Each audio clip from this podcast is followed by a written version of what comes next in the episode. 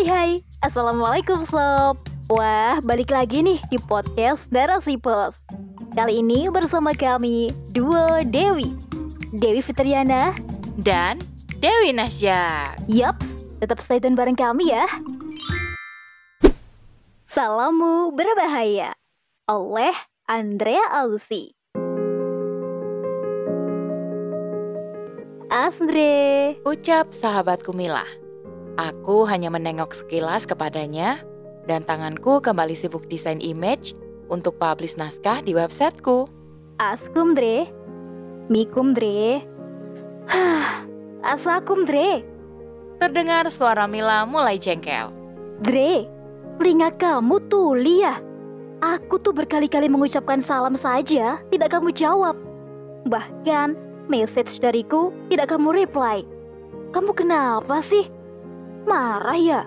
Kuhela nafasku dan kututup bola mata Mila. Apa yang harus ku jawab atas salammu, Mil? Menurutku tak ada satupun dari salammu yang patut ku jawab. Hah? Maksudmu? Tanya Mila heran. Gini loh Mil, salam itu doa. Islam mempunyai salam yang sangat indah, yaitu Assalamualaikum warahmatullahi wabarakatuh wa maghfiratuh. Wah, itu kan kepanjangan dari salam, Dre. Makanya aku singkat jadi as, askum, mikum, atau asakum. Nah, itu dia yang menjadikan salam Islam salah kaprah. Kamu tahu nggak arti dari salam-salam yang kamu ucapkan? Tanyaku dengan sabar. Kulihat Mila hanya menggelengkan kepala tanpa suara. Saya tahu dan paham bahwa banyak orang yang suka salah kaprah dalam mengucapkan atau menuliskan salam Islam tersebut. Padahal maknanya sangat jauh berbeda loh.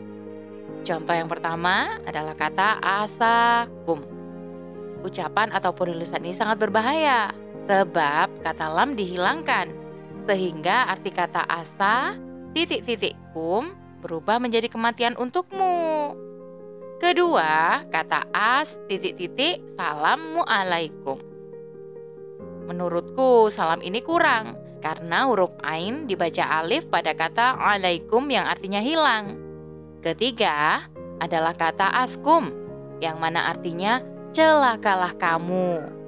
Keempat, kata mikum, yakni kata yang berasal dari bahasa Ibrani yang artinya mari bercinta. Kelima, kata asamu yang artinya racun. Keenam, kata samlekum artinya matilah kamu. Ketujuh, kata as, ass ya, kata yang benar-benar gak sopan. Karena artinya adalah pantat. Begitu loh Mil, beberapa kata yang kamu singkat dari ucapan Islam tersebut. Waduh, ternyata ucapanku selama ini salah ya? Wah, maaf ya Andre, saya tidak tahu. Hmm, gimana ya? Bolehkah dirimu jelaskan lebih rinci lagi tentang salam Islam itu? Ya, sekalian dalil dan maknanya yang lebih luas dari itu. Boleh ya? Oke, aku mulai dari makna salam dulu ya. Pertama, salam itu bukan sekedar ungkapan kasih sayang, tapi memberikan juga alasan dan logika kasih sayang yang diwujudkan dalam bentuk doa pengharapan agar kita selamat dari segala duka derita. Tidak seperti kebiasaan orang Arab, tetapi salamnya justru mendoakan agar hidup dalam kebaikan. Iya kan? Yang kedua, salam mengingatkan kita kepada Allah Subhanahu wa taala. Tak satu pun makhluk yang bisa mencelakai ataupun memberikan manfaat kepada siapa pun tanpa izinnya.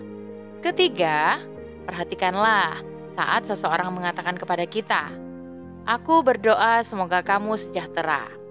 Maka ia menyatakan dan berjanji bahwa kita akan aman dari tangan atau perlakuan atau lidahnya yakni lisan.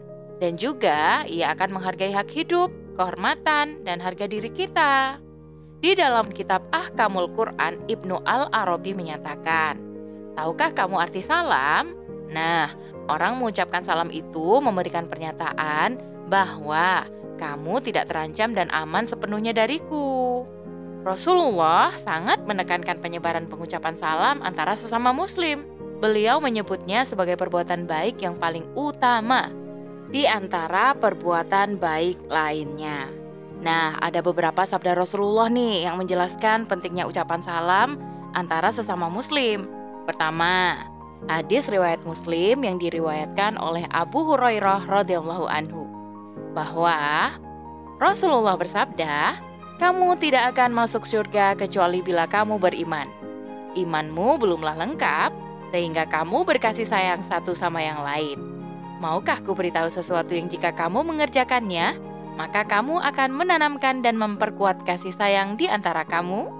Tebarkanlah ucapan salam satu sama yang lain, baik kepada yang kamu kenal maupun yang belum kamu kenal. Nah, yang kedua, hadis riwayat Sahihain. Abdullah bin Amr radhiyallahu anhu mengisahkan bahwa seseorang bertanya kepada Rasulullah, "Apakah amalan terbaik dalam Islam?" Rasulullah SAW menjawab, Berikanlah makan orang-orang dan tebarkanlah ucapan salam satu sama yang lain, baik kamu saling mengenal maupun tidak. Terus lanjut nih ya, yang ketiga, Abu Umamah radhiyallahu anhu meriwayatkan bahwa Rasulullah bersabda seperti dalam hadis Ahmad, Abu Dawud dan At-Tirmizi bahwa orang yang lebih dekat kepada Allah Subhanahu wa taala adalah yang lebih dahulu memberi salam. Terus yang keempat, Abdullah bin Mas'ud radhiyallahu anhu meriwayatkan bahwa Rasulullah bersabda seperti yang termaktub dalam Musnad Al-Bazar Al-Mu'jam Al-Kabir oleh At-Tabrani bahwa salam adalah salah satu asma Allah taala yang telah Allah turunkan ke bumi. Maka tebarkanlah salam. Ketika seseorang memberimu salam kepada yang lain, derajatnya ditinggikan di hadapan Allah. Jika jamaah suatu majelis tidak menjawab ucapan salam, maka para malaikat menjawab ucapan salamnya. Lanjut ya, yang kelima, Abu Hurairah meriwayatkan bahwa Rasulullah SAW dalam sabdanya, orang kikir yang sebenar-benarnya kikir adalah orang yang kikir dalam penyebaran salam. Nah itu dulu ya Mil, beberapa dalil pentingnya tentang ucapan salam. Sebenarnya sih masih banyak dalil-dalil yang lainnya loh Mil ucapku panjang lebar. Hmm, jadi gitu ya. Kalau ucapan salam itu sangat penting, lalu kenapa Andre kita nggak boleh menyingkat ucapan salam tersebut? Apakah ada dalilnya? Of course ada. Dalam Musnad Al-Darami, Abu Daud dan Tirmizi dari Imron bil Al-Hasin dikisahkan bahwa seseorang datang kepada Rasulullah dan mengucapkan Assalamualaikum Rasulullah menjawab, 10. Kemudian datang yang lain memberi salam. Assalamualaikum warahmatullahi. Rasulullah berkata 20. Dan orang ketiga datang mengucapkan Assalamualaikum warahmatullahi wabarakatuh. Maka dijawab oleh Rasulullah 30. Dan orang yang terakhir mengucapkan Assalamualaikum warahmatullahi wabarakatuh wa. Nabi pun berkata, 40 pahala dan beginilah keutamaannya. Jadi intinya, ucapkanlah salammu dengan benar, baik lisan maupun tulisan, sesuai dengan syariat Islam. Setidaknya ucapkanlah Assalamualaikum. Dan kita pun punya kewajiban untuk membalasnya, Mil. Seperti yang dijelaskan dalam firman Quran Surah An-Nisa ayat 86. Apabila kamu dihormati dengan suatu penghormatan, maka balaslah dengan penghormatan yang lebih baik atau yang serupa. Sungguhnya Allah akan memperhitungkan setiap yang kamu kerjakan. Di sini mendahului memberi salam dan membalasnya termasuk yang diperhitungkan oleh Allah Subhanahu wa taala. Hendaknya kita membiasakan memberi salam dan membalasnya demi menyenangkan Allah Subhanahu wa taala dan menyuburkan kasih sayang di antara kita. Hanya saja ada pengecualian kewajiban membalas salam.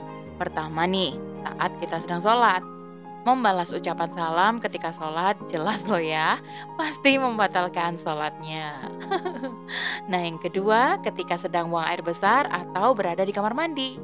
Ketiga, seorang khotib, yakni orang yang sedang membaca Al-Quran, atau seseorang yang sedang mengumandangkan azan atau iqomah. Wah, subhanallah. Ternyata ucapan salam Islam itu sangat luas ya pengertiannya. Terima kasih Andre, sudah berbagi ilmu yang selama ini kuanggap sepele. Masya Allah, demikianlah rubrik cerpen kali ini. Sampai bertemu di rubrik cerpen selanjutnya. Di mana? Di podcast Narasi Pos, cerdas dalam literasi media, bijak menangkap peristiwa kunci.